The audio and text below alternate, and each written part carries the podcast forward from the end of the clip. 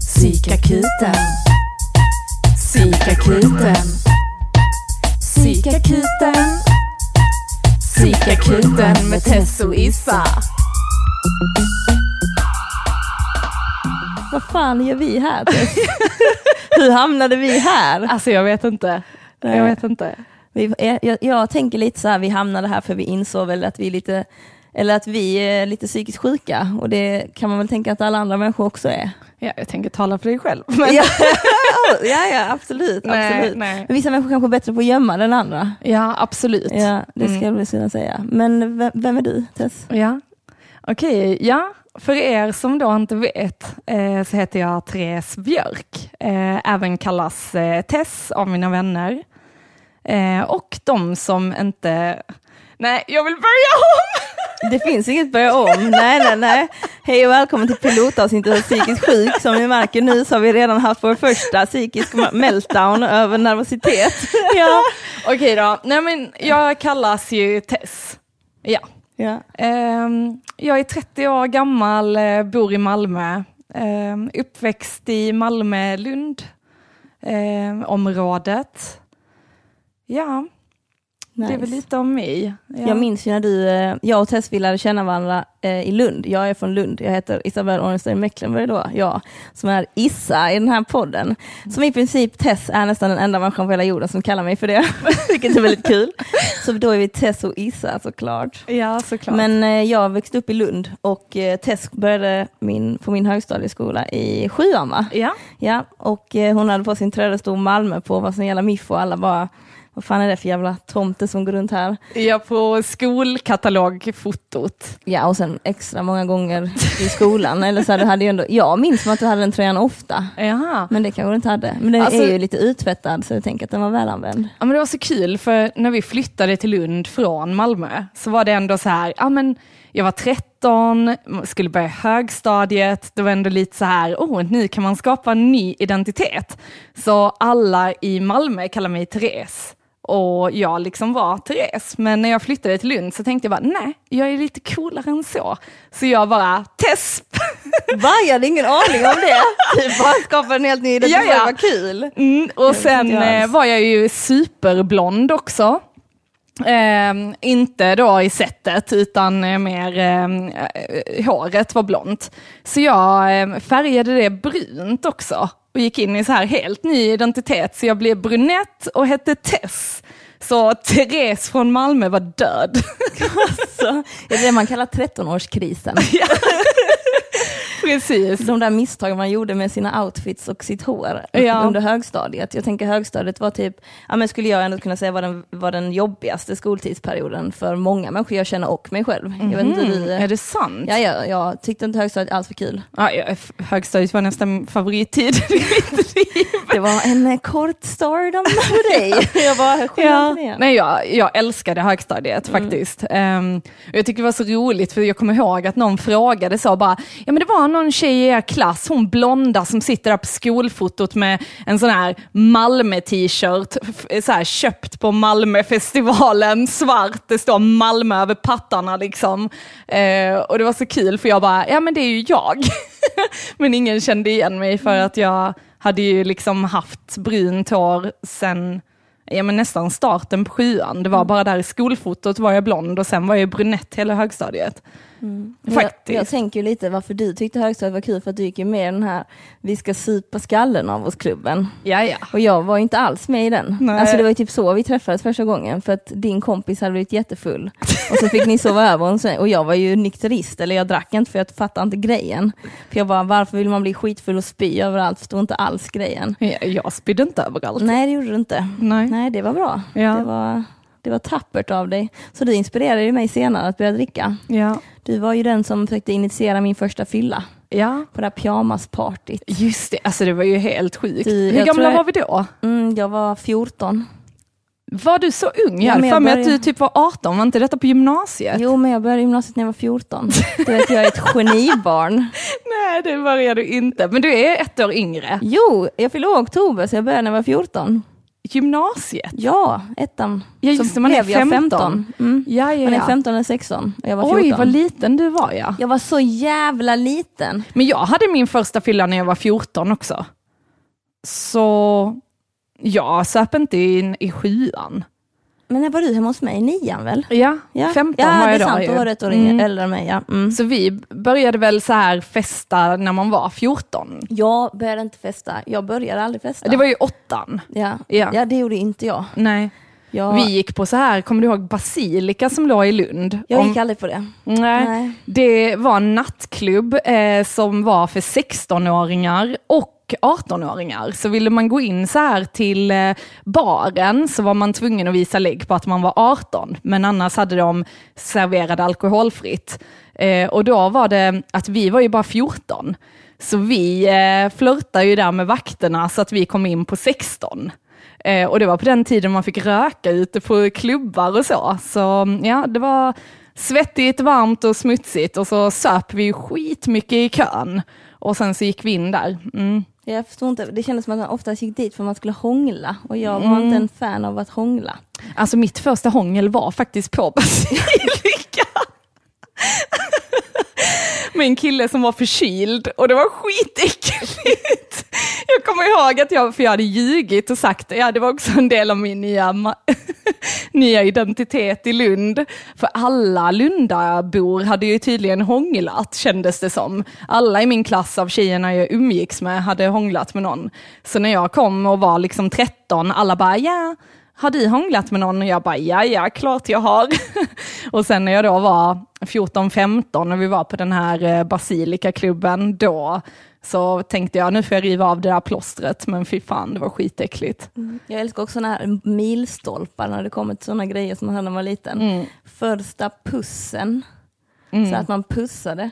Sen hånglet. Men jag känner typ, är du säker på att han var förkyld? För att jag upplevde att alla man hånglade med slickade, alltså därför jag gillar inte att hångla. Men det, alltså, det smakade snor. Okej. Så. Fan. Ja, det var riktigt vidrigt, alltså det var jätteäckligt.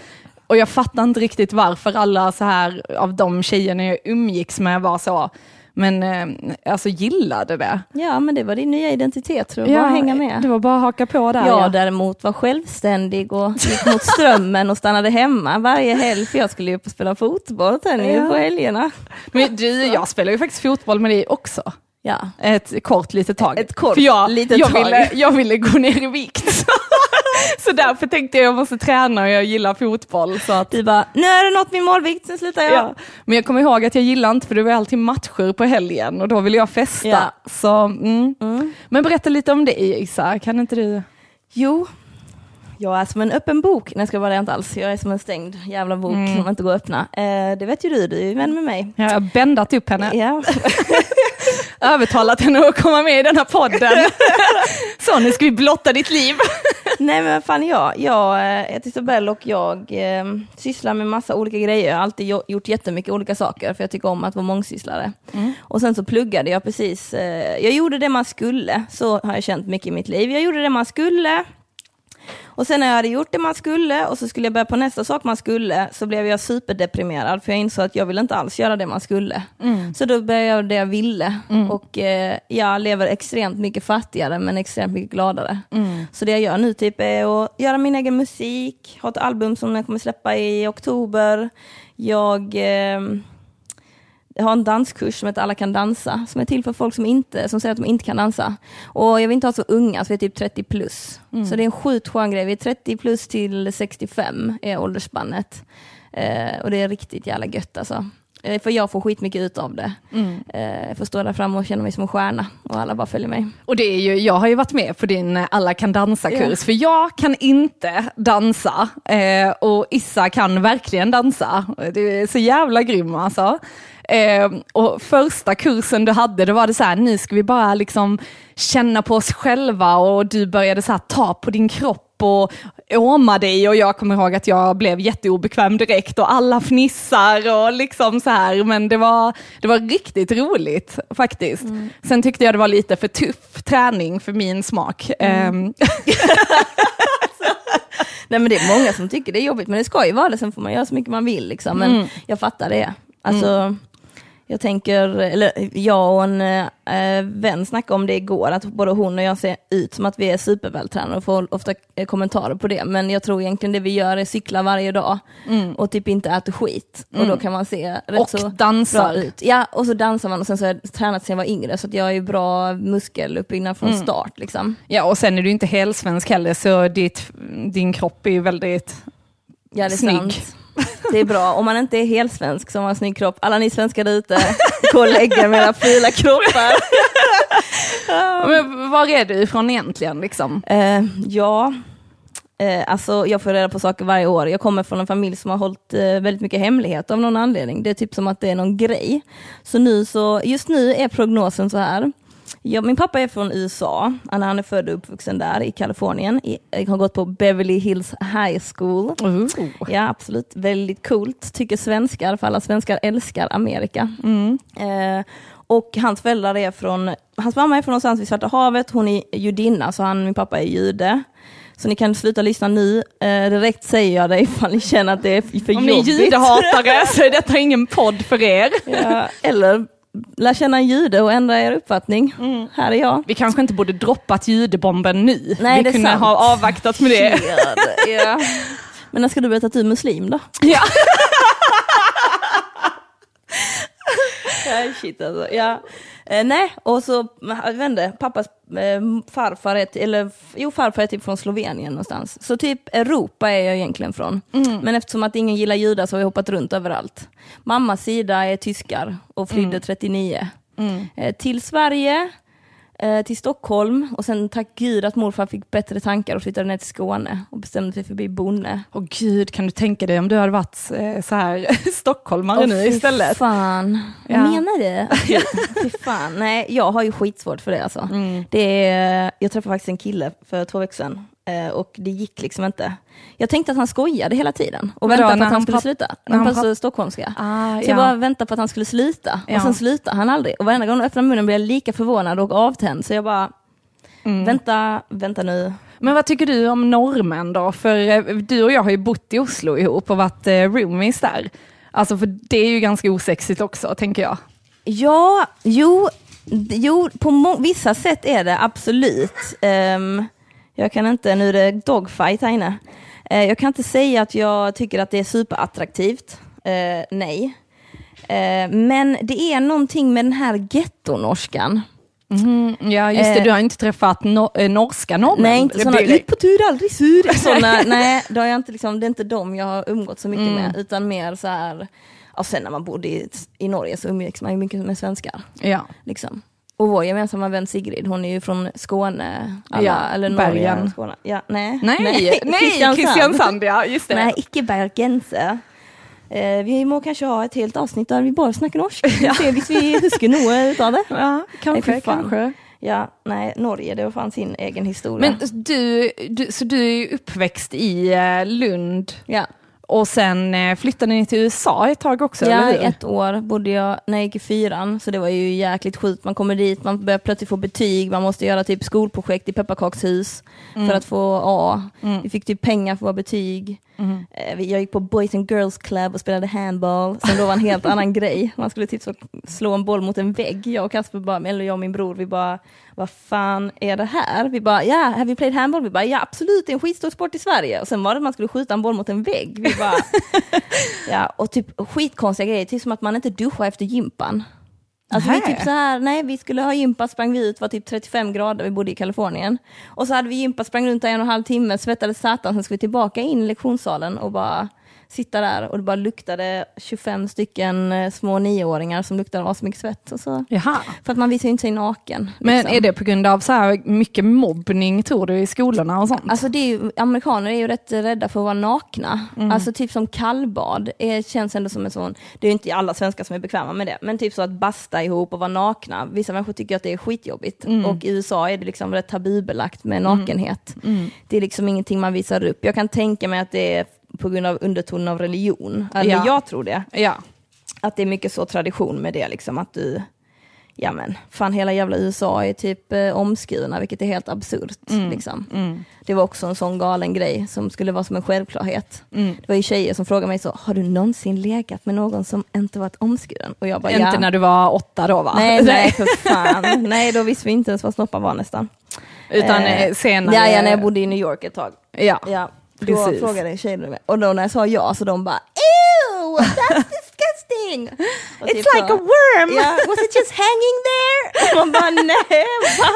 Det är som att de aldrig, de vet inte ens vad förhud är. De har någon slags föreställning om att det är en långt jävla draperi som du bara måste dra ner. Men jag kommer ihåg så här, ett avsnitt av Sex and the City där det var så här, en jättestor grej att hon började dejta, en av tjejerna där började dejta en kille som inte var omskuren och sen skulle han då göra det och hon bara, ah, han gör det för min skull och sen så ville han ju knulla runt för han ville visa upp sin nya kuk för alla liksom.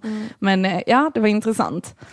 Ja det är skevt, skevt, skevt. Men ja, annars så är jag uppvuxen i Lund, Mm. eh, i ett område med typ, eh, ja men nu har jag fattat det på senare tid, för jag känner mig helt konstig, det var bara jag som hade något annat påbrå. Mm. Resten av alla omkring mig hade, var ju 100% svenskar. Så det kan jag känna var skitskönt sen när man började hög, eh, gymnasiet, att man Ja. träffar folk som också var mixade. Liksom. Men alltså det kommer jag ihåg när jag, alltså för jag är ju ändå uppväxt i Malmö och alla mina vänner i princip, alltså jag hade väl några så här tjejkompisar som var svenskar, men nästan alla killar vi umgicks med var liksom, ja men så här jug juggar och alltså olika, um, Algeriet kom någon ifrån, alltså väldigt så här blandat. Eh, och sen flyttade vi till Lund, ute på landet, i en liten by som heter Stångeby. Eh, och när jag kom till Lerbäcksskolan där vi gick, så var det verkligen bara svenskar. Och jag kommer ihåg att jag bara, va? Här är inga snygga killar och tyckte det var skittråkigt och bara, vad fan? Men eh, sen var det ju en lugn skola och alltså, de, mina kompisar i Malmö, de började ju så här sno bilar och hålla på liksom där i högstadiet. Så var det ju inte riktigt i, på Lerbäcksskolan. Det var lite lugnare. Ja, alltså det var typ tre veckor sedan som jag eh, för första gången i mitt liv smakade en vindruva i butiken för att se om det var bra. Kände mig så jävla kriminell. Ja, jag skulle aldrig göra det. Man bara, ja, jag bara stod där och tittade omkring mig bara, kommer någon se mig, kommer någon se mig, kommer någon se mig? Nej, alltså jag är så himla... Ja, det är ju speciellt med Lund, alltså man växer upp i en bubbla, det är ju extremt unikt. eh, Men det, du är ju ändå väldigt världsvan. Jag tänker många av våra Lunda-kompisar, det är ju många som inte ens så här vågar åka in till Malmö. Alltså jag tänker så när jag, eh, alltså när jag ska gå ut så eh, finns här ju ändå ställen att gå ut på. Tänk så hade man bott kvar i Lund, uppväxt i Lund, alltid liksom bott där och sen åker man inte ens in till Malmö för att festa, utan man stannar i Lund och går, alltså vad finns det ens mer än studenthak liksom i Lund? Nej, det är, väl, det, men det är väl den där med trygghetszonen. Liksom Lund är ju supertryggt, man vet vad som kommer hända. Malmö är med så, är det en bomb denna veckan? Kommer någon bli skjuten? det är lite som är mest spännande. Var det fyrverkeri eller en bomb som smällde igen? Jag vet Ja, inte. men det har man väl lärt sig vid det här laget. Ja. Det känns som att det är en fyrverkerifest varje söndag på Värnhem. ja. Ja, Herregud. nej, det är fan intressant. Jaha, men vad fan gör vi här då Tess? Ja. Varför sitter vi här och snackar med varandra? Ja, vi två har ju snackat lite om att vi ville starta en podd ihopa. Eh, för att eh, det hade varit roligt eh, och eh, vi ville ha en ursäkt att träffas. Ja, definitivt. ja. eh, och den här poddens namn som vi har kommit på är Psykakuten. Mm. Så jävla bra namn. Eller hur? Vi tycker att det, det behövs en podd som faktiskt belyser psykisk ohälsa på ett roligt sätt. Eller hur? Absolut. För jag tänker det vi diskuterar ju det väldigt mycket alltså när vi träffas, hur vi mår, vad som händer, alltså hur man, alltså att vi själva är sjukt måna om att utvecklas och eh, lära känna oss själva. För vi, vi, eller det jag känner att vi har kom, eller du har kommit underfund med för rätt länge sedan, jag är lite halkat efter här men eh, nu är jag typ lite mer på spåret. Bättre sent än aldrig. Men liksom det här med typ att man fattar att ehm, Alltså jag speglar världen och världen speglar mig, så liksom om jag går runt och är en jävla surpuppa mot alla människor så fattar jag att eh, that might be my problem. Det kanske inte är så att alla människor är dumma i huvudet, utan det kanske är jag som är dum i huvudet. Mm. Fast sen liksom har vara du ju så. aldrig heller varit riktigt en surpuppa. Nej men jag har mer varit ett offer. Ja. Alltså det tänker jag så här. Men, men liksom just med psykakuten så har jag funderat mycket på liksom att Nej men att man typ hamnar i, eh, alltså typ om man, man hamnar i situationer i livet där det bara känns så jävla bull. Det känns typ som att man dör, det känns som att jag redan har dött flera gånger i mitt liv liksom, för att återuppstå i en ny skepnad. Sen behöver inte det Alltså jag tycker inte det är något negativt. Alltså första gången så tyckte jag det var horribelt och trodde jag inte jag skulle överleva. Typ som första gången man blir hjärtkrossad. Mm. Ja. Så ligger man där och man bara, nu dör jag, mitt hjärta kommer sluta slå, det finns Mm. Aldrig mer. ingenting. Jag kommer aldrig någonsin älska någon igen. Och bara så här, nej det är för fan, shit det är fan riktigt illa. Men, och jag tänker också så här att eh, från både ditt och mitt perspektiv så är ju väldigt många människor i våra omgivningar som mår dåligt. Alltså där man bara blir så, men vad fan är det för fel på folk? Varför mår alla så jävla dåligt? Eh, sen kan det ju vara också för att jag faktiskt väljer yrken där jag jobbar med människor som mår dåligt. Men det är ändå så här av kompisar, familj, vänner, syskon. Det är väldigt många som mår dåligt just nu. Eh, och eh, att man behöver prata om det och varken du, alltså du eller jag gillar ju inte kallprat direkt. Vi är två människor som gärna vill gå på djupet med andra människor. Andra människor tyr sig ganska snabbt till både dig och mig. Är vi på en fest så är det alltid någon som sitter och bara liksom öppnar upp sitt hjärta och så ska vi vara hobbypsykologer. Liksom. Så varför inte tjäna pengar på det här? Use the energy. ja, precis. Nej men absolut, men jag tycker det är sjukt fascinerande, eller så, för jag fattar inte riktigt att, att man var annorlunda på det sättet, för när jag frågar folk så, vadå? Alltså, ibland när du sitter på bussen, är det inte så att folk bara sätter sig bredvid dig och börjar berätta om deras liv? De bara, nej det händer aldrig mig. Jag bara, "Nej, okej, jag måste sluta ta bussen tänkte jag då. Nej men att man bara, man bara hamnar i den situationen. Jag har ju också den här grejen med att jag har ju alltid varit tillsammans med folk som typ haft beroendeproblem, och jag har dratts till dem liksom, så nu är jag jävligt vaksam med det när jag känner att jag är attraherad av en person. För då känner jag, oh den här personen har nog eh, någon slags problematik med droger, för jag tycker den är attraktiv. Det är någonting inom mig, och jag tänker det är också viktigt att fatta att det är inte så att att åh, det är så synd om mig för alla de här människorna. Nej, fan, det är jag som tillåter dem. Du attraheras av att se någon gå igenom så här ett inre förfall. Du bara, åh, Jag bara, "Åh, sexigt. Ja, let me help you. Men jag hade någon jävla grej där med att jag bara, oh, det är så vackert när en man är naken. Ska man klappa på hans huvud och ta hand om honom? Nu känner jag bara, eh, vem är du? Varför vill du göra det? Ja. Men det är ju för att man, då behöver jag inte hjälpa mig själv. Liksom. Så jag, jag- ja, men den här podden, vi, vi känner ju liksom att vi vill prata mycket om relationer, liksom, vad gör en helt jävla bananas med relationer? Liksom. Eh, alltså vi var, ger mig psykbryt när någon håller på med, både i, alltså, i kärleksrelationer, i vänskap, i familj, relationen till typ allt som jobb och sådana grejer också. Liksom. Ja men just relationen till andra människor och jobb och sin kreativa process och alla sådana grejer i livet. Liksom. Vad får en att flippa? Jag Ja. menar du, alltså, jag känner typ att vi liksom aldrig riktigt levt så som man ska göra inom situationstecken, liksom som i hamsterhjulet. Och det upplever jag Eh, gör att väldigt många människor känner någon slags ehm, eh, Alltså de känner typ att de kan dumpa sin ångest på en. Liksom. Att det är okej okay att jag kan säga, eh, alltså så här, fråga, alltså vad håller du egentligen på med i ditt liv? Och jag tycker det är så himla spännande, för innan kände jag att det var liksom personligt påhopp, nu fattar jag ju mer, liksom så här, okej den här personen har lite issues med sig själv, och kan jag vara där för den personen och vara den större människan nu och sitta här och lyssna och säga, okej du kanske vill jobba med konst, eller du kanske vill göra detta. Så jag tycker det, så på något sätt är det så, när man fattar att man har den här mm, kraften, att man kan hjälpa andra människor, men man måste också lära sig eh, när, alltså, när de är redo att ta emot den. Liksom. Ja, alltså- Så vi hoppas ju att alla ni där ute är redo att ta Och- emot vår hjälp nu. Liksom. Nu ska vi hjälpa er att bli bättre människor. Men jag tänker också så, alltså just det här med att eh, innan jag läste socialpsykiatri eh, i min eh, utbildning så var jag väldigt lösningsorienterad. Jag är det fortfarande, men jag är mer uppmärksam på det. Alltså så fort någon av mina vänner kom med ett problem till mig så var jag så, ja, men eh, då kan du göra så här. Och så vill de liksom inte riktigt ha en lösning. De kanske faktiskt bara vill ha någon som pratar, eller någon som lyssnar på dem.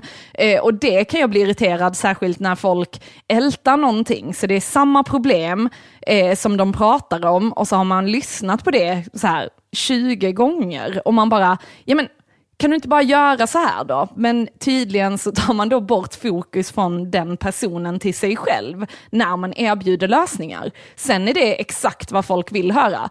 Jag själv har ju ofta olika kompisar jag pratar med. Om jag går till dig Gissa, då är du ju oftast lösningsorienterad och bara, ja men gör så då, ja, eller så får du må dåligt.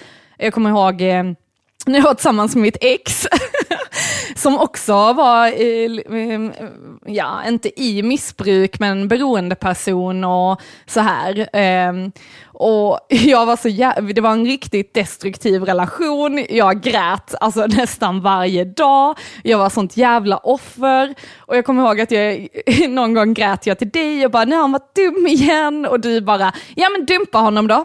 Antingen dumpar du honom eller så får du inte lov att prata med mig om det. Och jag kommer ihåg att det var så jävla hårt. Jag bara, nej det är helt sjukt hur hon kan säga så, men då blev det ju att jag inte kom till dig med det längre.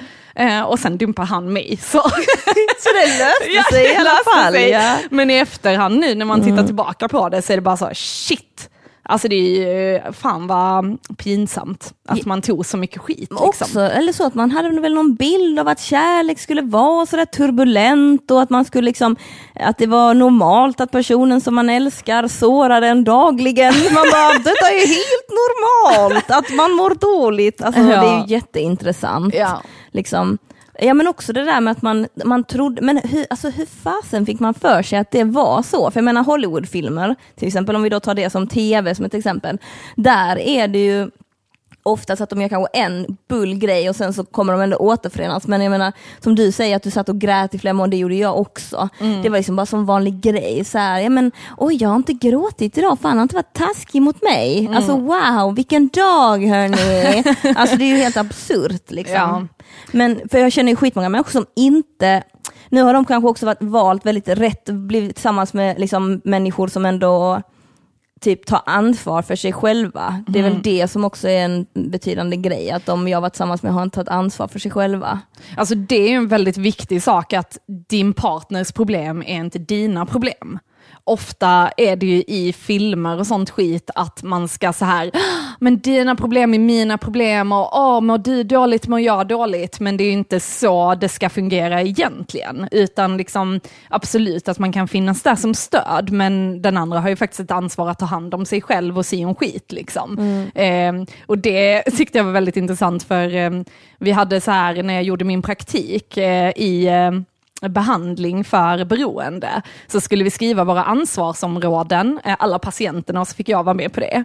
Eh, så då så sa han som eh, var vd för företaget när det var så, vad är mina ansvarsområden i mitt liv? Och han bara, Tess, din partners problem är inte dina problem. Jag bara, nej, det tänkte jag inte skriva.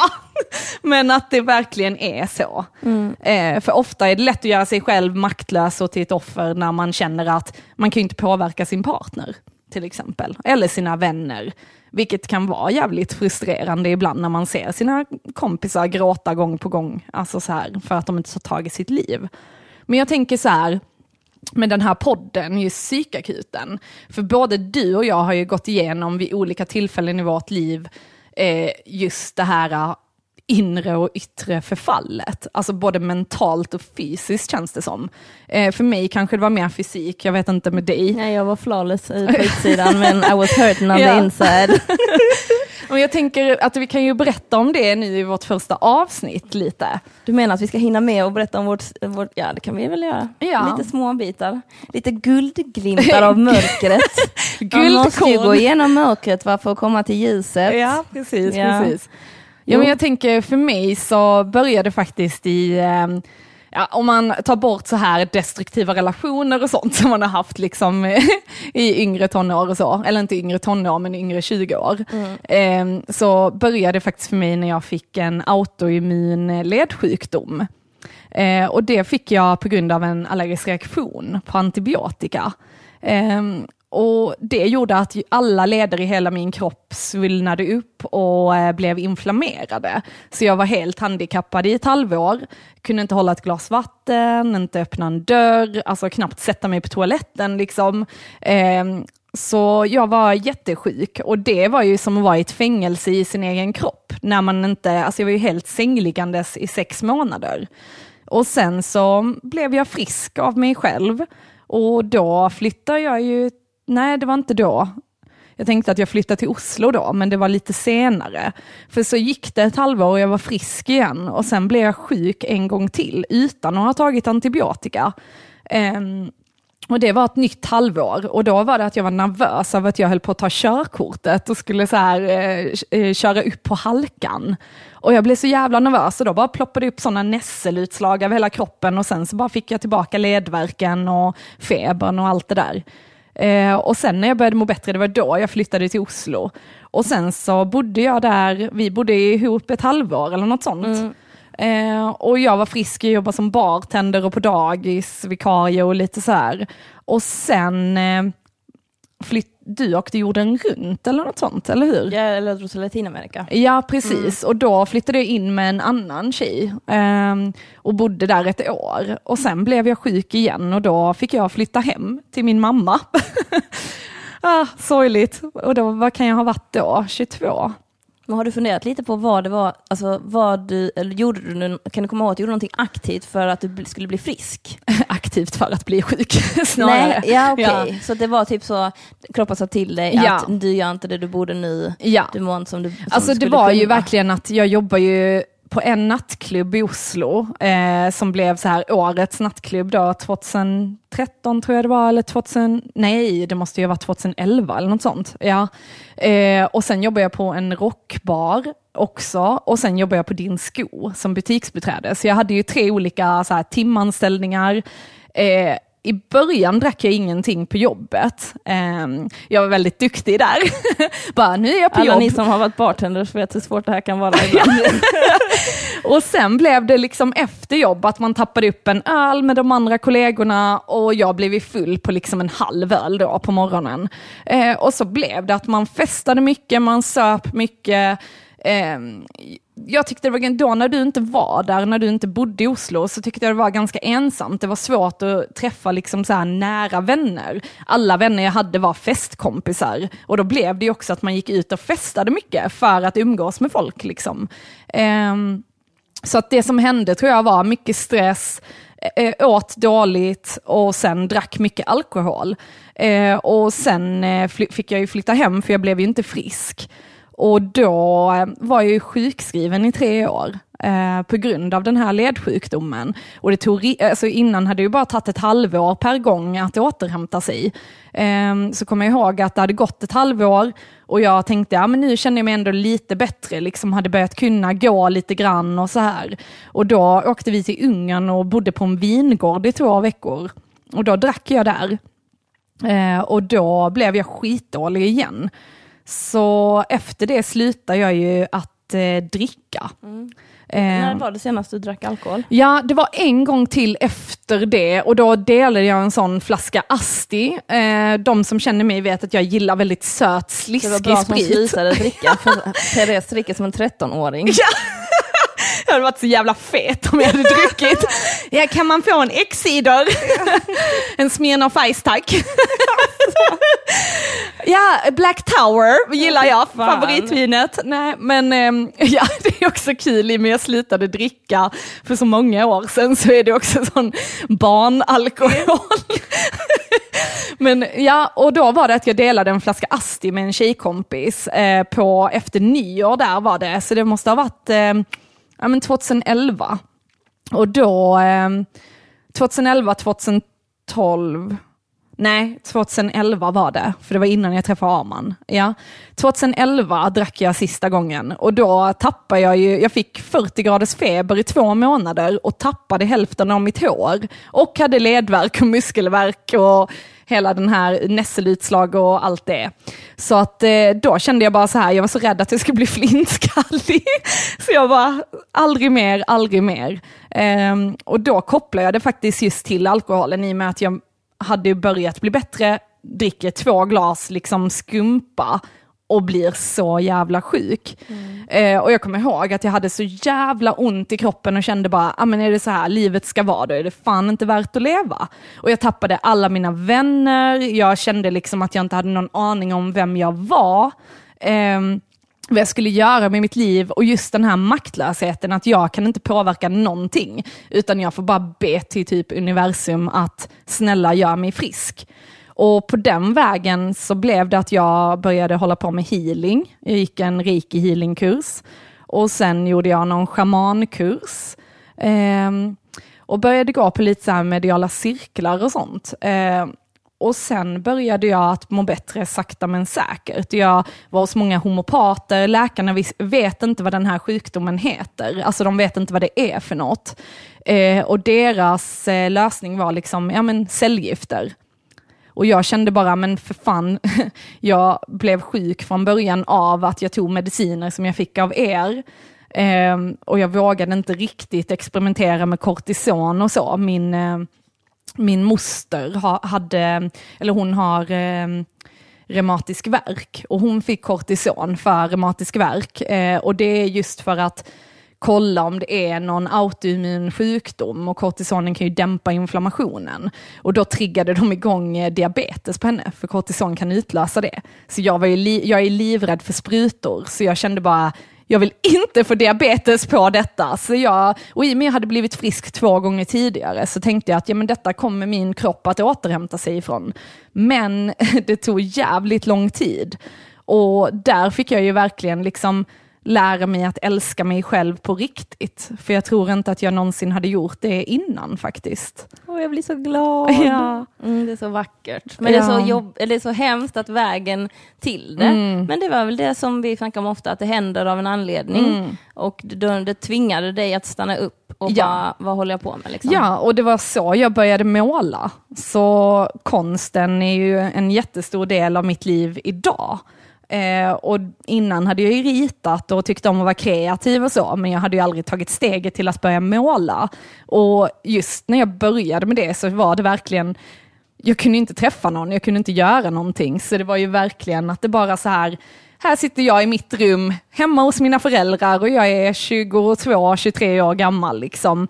Ändå bott utomlands, haft egen lägenhet och tre jobb och sen så känner man sig så jäkla liten där. Och sen hade ingen. Så konsten blev ju så jäkla viktig för mig. Och ett sätt att uttrycka mig och bara få ut mina känslor på duken. Eh, och därför är det väldigt känsligt också när någon bara, den tavlan gillar inte jag. Man bara, det är som ett hugg in i själen, för det är en bit av mig som är där liksom. Mm.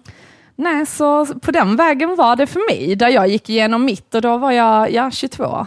Mm. mm. Spännande. Ja. ja. Jag har ju känt det under hela den här tiden. Ja. Vi har bott på lite olika platser. Precis. Under den här tiden har du varit sjuk och så. Du är ju en av de vännerna som jag har kvar sen dess. Mm. Mm. Sant. Mm, man förlorar mycket på vägen. Ja. Och vinner såklart massor också. Ja, absolut, mm. absolut. Men eh, berätta om eh, dig och din personliga utveckling. Jo, jag eh, kan väl säga att den första gången som jag började reflektera var när jag eh, var, vad fan blev jag? Eh, 28. Då började jag reflektera över vad jag höll på med i mitt liv och då sköljde det över mig som en jävla storm. Det var typ som att jag hade jag beskriver det ofta som att jag har åkt ett tåg, ett höghastighetståg och aldrig stannat liksom. Och bara kört på och inte tänkt och inte reflekterat liksom. Eh, så vad som hände med mig var att eh, när jag flyttade tillbaka till Skåne efter att inte ha bott i Skåne på typ tio år, bott lite utomlands och så, eh, så kändes det som att allting sköljde över mig. Som att jag stannade, tåget stannade, gick av på en perrong och det fanns ingenting där. Mm. Så allting som jag gjort hade lett mig ingenstans. Men var det inte också så att du pluggade ekonomi i Skövde? Jo, alltså ja, det var... Oh, ja. Nej, men det var, började väl med att jag flyttade från mina föräldrar till Gran Canaria och säsongade där och det var skitkul. Festade jättemycket, time of my life liksom. Sen efter det så drog jag till Oslo. Sen när jag varit där i tre dagar, då träffade jag min första kille. Jag hade varit jävligt så här, jag har alltid ogillat män starkt sen när jag upptäckte feminism i sjuan. Så jag hade ett starkt manshat i flera år för jag kände att det var deras fel, att allting var fel i världen. Rädsla för män kanske? Ja, mm. ja nu i efterhand kan man väl tänka det. eh, men jag hatar dem. Eh, och sen så blev jag stormkär i en person som jag var tillsammans med i två och ett halvt år. Eh, och det här är typ, eh, alltså jag, jag, kan fortfarande skämma, alltså nu skäms jag inte längre när jag berättar det, men det var många år jag skämdes över att jag liksom var i den relationen, för den här personen var liksom eh, serieotrogen mot mig, hade en flickvän när jag var ute och reste som inte jag visste om, vi var fortfarande tillsammans. Liksom, var bara ett rent rövhål. Liksom. Och jag förstår ju att, eller så, det fanns ju jättemycket tecken på att han inte var bra för mig och att jag inte mådde bra i den relationen. Men det är precis som det innan vi pratade om, att man tror att det är normalt att man ska vara så himla taskig mot varandra. Mm. Han var också extremt kontrollerande, så att jag, jag var ju i en relation med, alltså jag vet inte riktigt, narcissist, psykopat, jag vet inte riktigt vilket, eller båda två kanske. Men... Alltså jag kommer ihåg en gång när vi var ute i Oslo, då bodde du och jag ihop, så han var ju hemma hos oss väldigt mycket och vi, vi bodde fyra tjejer i en tvåa, så vi delade, tre tjejer sov i vardagsrummet plus Isabells eh, kille. och sen en sov i det lilla sovrummet. Och jag kommer ihåg någon gång när vi var ute där, då var det ju verkligen så att du och jag dansade, det var många killar som kollade och han skällde ut dig för att du hade höga klackar på dig för att du ville ha uppmärksamhet av andra. Mm. Och det var så himla alltså, sjuk situation. Och du har ju alltid varit väldigt bestämd. Eh, som exemplet då när jag var ledsen över mitt ex och så, att eh, ja men Issa har alltid varit en tjej som har båda fötterna på jorden och väldigt starka åsikter. Man har nästan varit lite rädd liksom för dig ibland. Man vill inte göra dig besviken direkt. Så har jag känt. Mm. Och då vågar man inte heller säga, liksom, man vågar inte kritisera honom överhuvudtaget, för du var så jävla kär i honom. Och det var liksom många tecken på det, men ändå var det så här ursäkter och hit och dit. Mm. Och sen var det väl att han när ni hade varit tillsammans två år, då hade han haft ett, ett en ettårig relation ja, med den här... Jag var ute och reste, så jag bodde ju inte i samma stad som honom. Så en, typ två dagar efter jag hade stuckit så träffade den här tjejen blev tillsammans med henne. Alltså jag förstår ju nu efter, alltså han hade ju, alltså eh, han skulle, hans högsta dröm var att bli eh, fotbollsproffs och sen när det inte gick igenom så hade han fått all sin bekräftelse från fotbollen. Och då vände han det liksom mot kvinnor istället och kände att okej okay, om alla kvinnor åtrår mig istället så kanske jag är en bra person. Mm. Um, och det har jag fattat nu liksom, men alltså uh, det, men det som var intressant där var, för jag fick ju också utslag, alltså jag fick inte utslag på det sätt som du fick, utan vad som hände med mig att jag slutade kunna ha sex, liksom, för att jag fick mm. så ont under Just samlag. Det. Men det hade jag ju också med mitt ex. Ja, det är sjukt Så det var liksom som att min, min hjärn, eller mitt hjärta sa, åh jag är så himla kär i honom, och min hjärna funkar inte, med min fiffi bara, vi vill inte ha honom här. Mm. Han förtjänar inte att vara här. Alltså jag kommer ihåg att jag grät liksom, efter vi hade eh, legat med varandra, för att det gjorde så ont. Ja, liksom. när man skulle kissa kissa så ja, sved det, det kändes som att någon stack knivar i ja. Så gick jag till gynekologer och de bara, nej jag vet inte, det kan vara en bakteriell infektion. Men de frågade ju mig aldrig så här, hur är din relation? Mm. Och det kan jag känna nu att jag, det hade jag ställt frågor. Alltså typ om du någon gång har problem där nere så fundera på din relation. För att mm. kroppen talar till dig hela mm. tiden och du måste lyssna. Eller om killar där ute märker att deras tjejer får så jävla ont efter sex liksom. Mm. Så, för det är, liksom helt sjukt. Ja. Jag har aldrig haft det med någon annan han mer än där i den relationen. Inte jag heller, det, var, det är helt galet. Ja. Alltså det bara slutade Och det var ju liksom inget, alltså inget fel. Alltså det var inget fel. Och att det var bra i början och sen urartade det ja. desto mer. Men det som jag tycker är intressant, jag tycker vi ska prata om detta i ett avsnitt om de här människorna som går in och liksom, alltså det är ju narcissister som går in och lovebombar det liksom. Det tycker ja, men, jag vi ska ha en och, hel grej Ja, och om, liksom. att de liksom går över ens gränser hela tiden, ja. sakta men säkert. Ja, liksom. och att det är inte som att man, många tror ju att när man har varit i en så destruktiv relation som jag har varit i, att man på något sätt, folk bara varför lämnar du inte bara?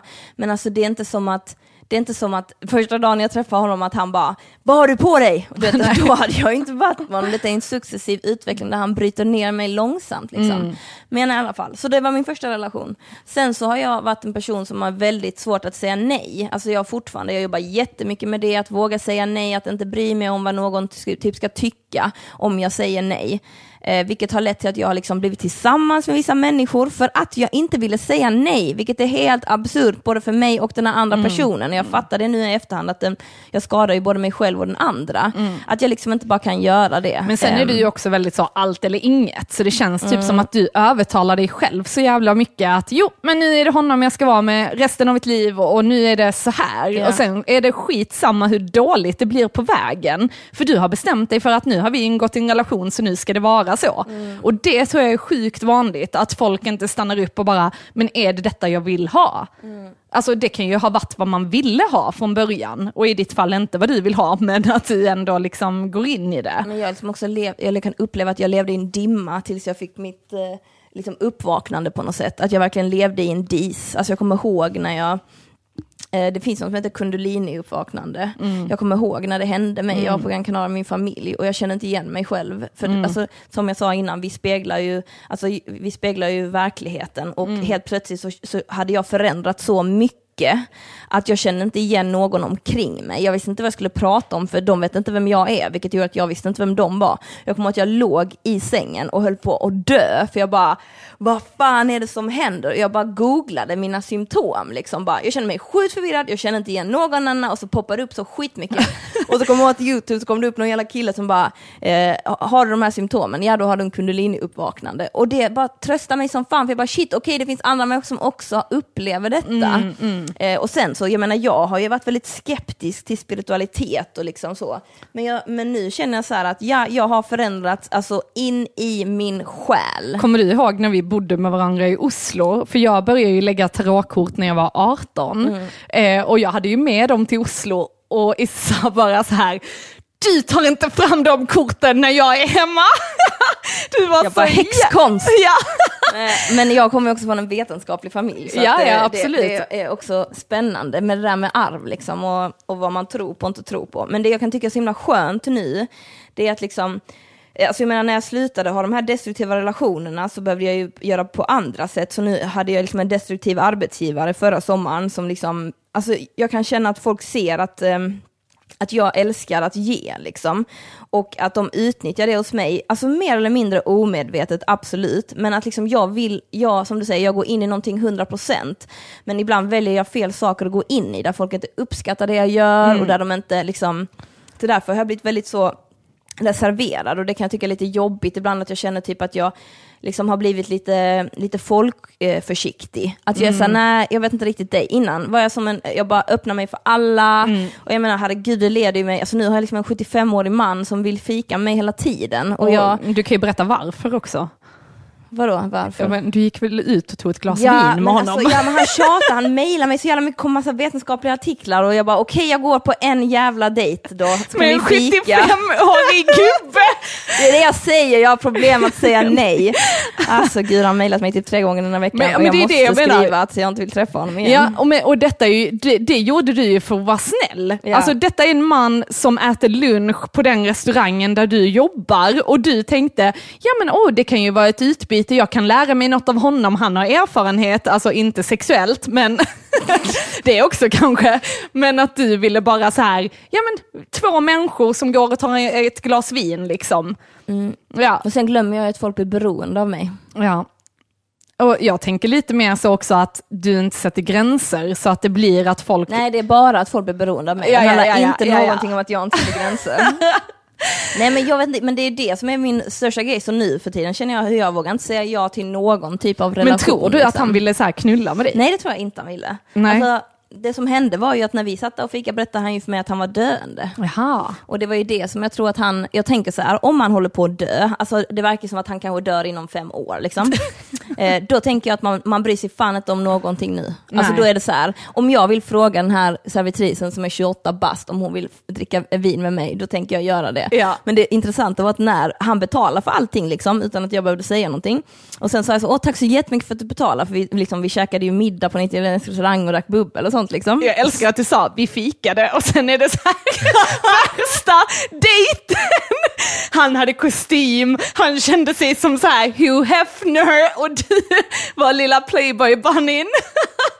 Jag vill ha fått leva den drömmen. Och han bara, jag kommer dö och du bara, vad är din sista önskan? Fan, men det han sa då, för gud jag tyckte det var kul, var han bara, nej men Isabel du borde ha ett mycket högre timpris än det här. Och då tänkte jag bara, Timpris. Ja, liksom som att han hade spenderat kanske, vad fan kunde han spenderat, 600 spänn på mig den Ingenting. dagen. Ingenting. Och han bara, du borde förtjänat mer. Och jag menar herregud, behöver inte göra någonting utom att sitta där och prata. Ja men du, eh, tänkte han att det var mer som att han hade köpt en eskort då? Ja men jag, jag vet fan alltså, jag vet fan fortfarande. För det tycker jag är skitsvårt. Alltså jag menar jag, ingen, alltså, hur, alltså du lär ju känna människor i varenda jävla möte. Jag, ingen, han pratar ju om sin sambo med mig, han pratar om sina barn med mig. Så att jag menar, jag tror ärligt talat att han bara är intresserad av vem jag är som människa. Och sen ja, jag fattar när man är 75 så kan det vara jävligt gött att umgås med yngre människor. För jag menar fan vad jobbigt att vara låst i en 75-årings kropp när man kanske inombords är 18. Hade han löständer och så eller? Jag vet inte, jag märkte inget när vi hånglade. Men det som var roligt var att min kusin och hans tjej gick förbi och jag bara kände, jag vet inte ens hur jag ska förklara detta möte för dem, så jag bara vände mig och lekte att jag inte såg dem. Och så hör jag hur de säger så, ska vi gå fram och hälsa? Eller, nej men alltså det, det känns jättekonstigt, nej, äh, vi, nej, vi går vidare.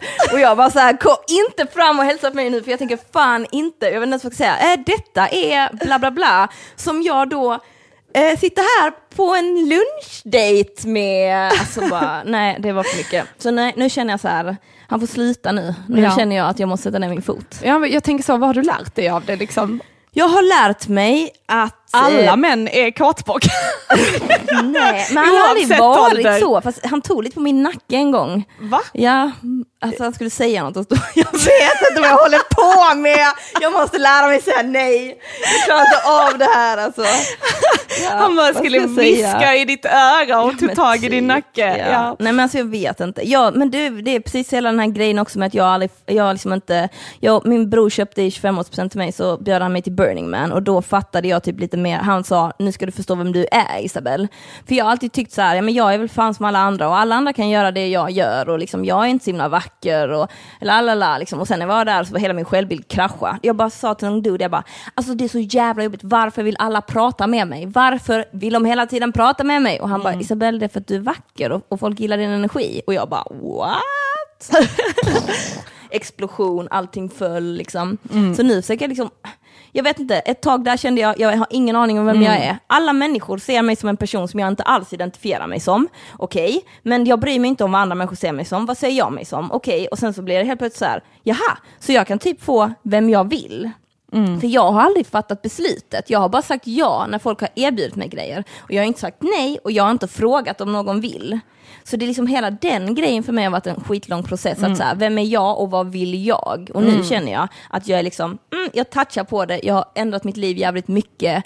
Eh, Jag umgås inte med vänner sex gånger i veckan som jag gjorde innan som var helt absurd. Ja, men du kunde ju vara så här, när du hälsade på från Skövde, då kunde du komma hem, äta middag med familjen, sen kunde du åka hem till din syrra för att passa barnen, sen kunde du jobba som bartender på någon av nattklubbarna här i Malmö, sen gick du på efterfest, dagen efter kunde du nästan i princip gå från efterfesten hem till en kompis och ta morgonkaffe och sen sov du typ två timmar och sen träffade du kanske någon annan kompis. Alltså det var liksom allt gick i ett. Det var helt sjukt.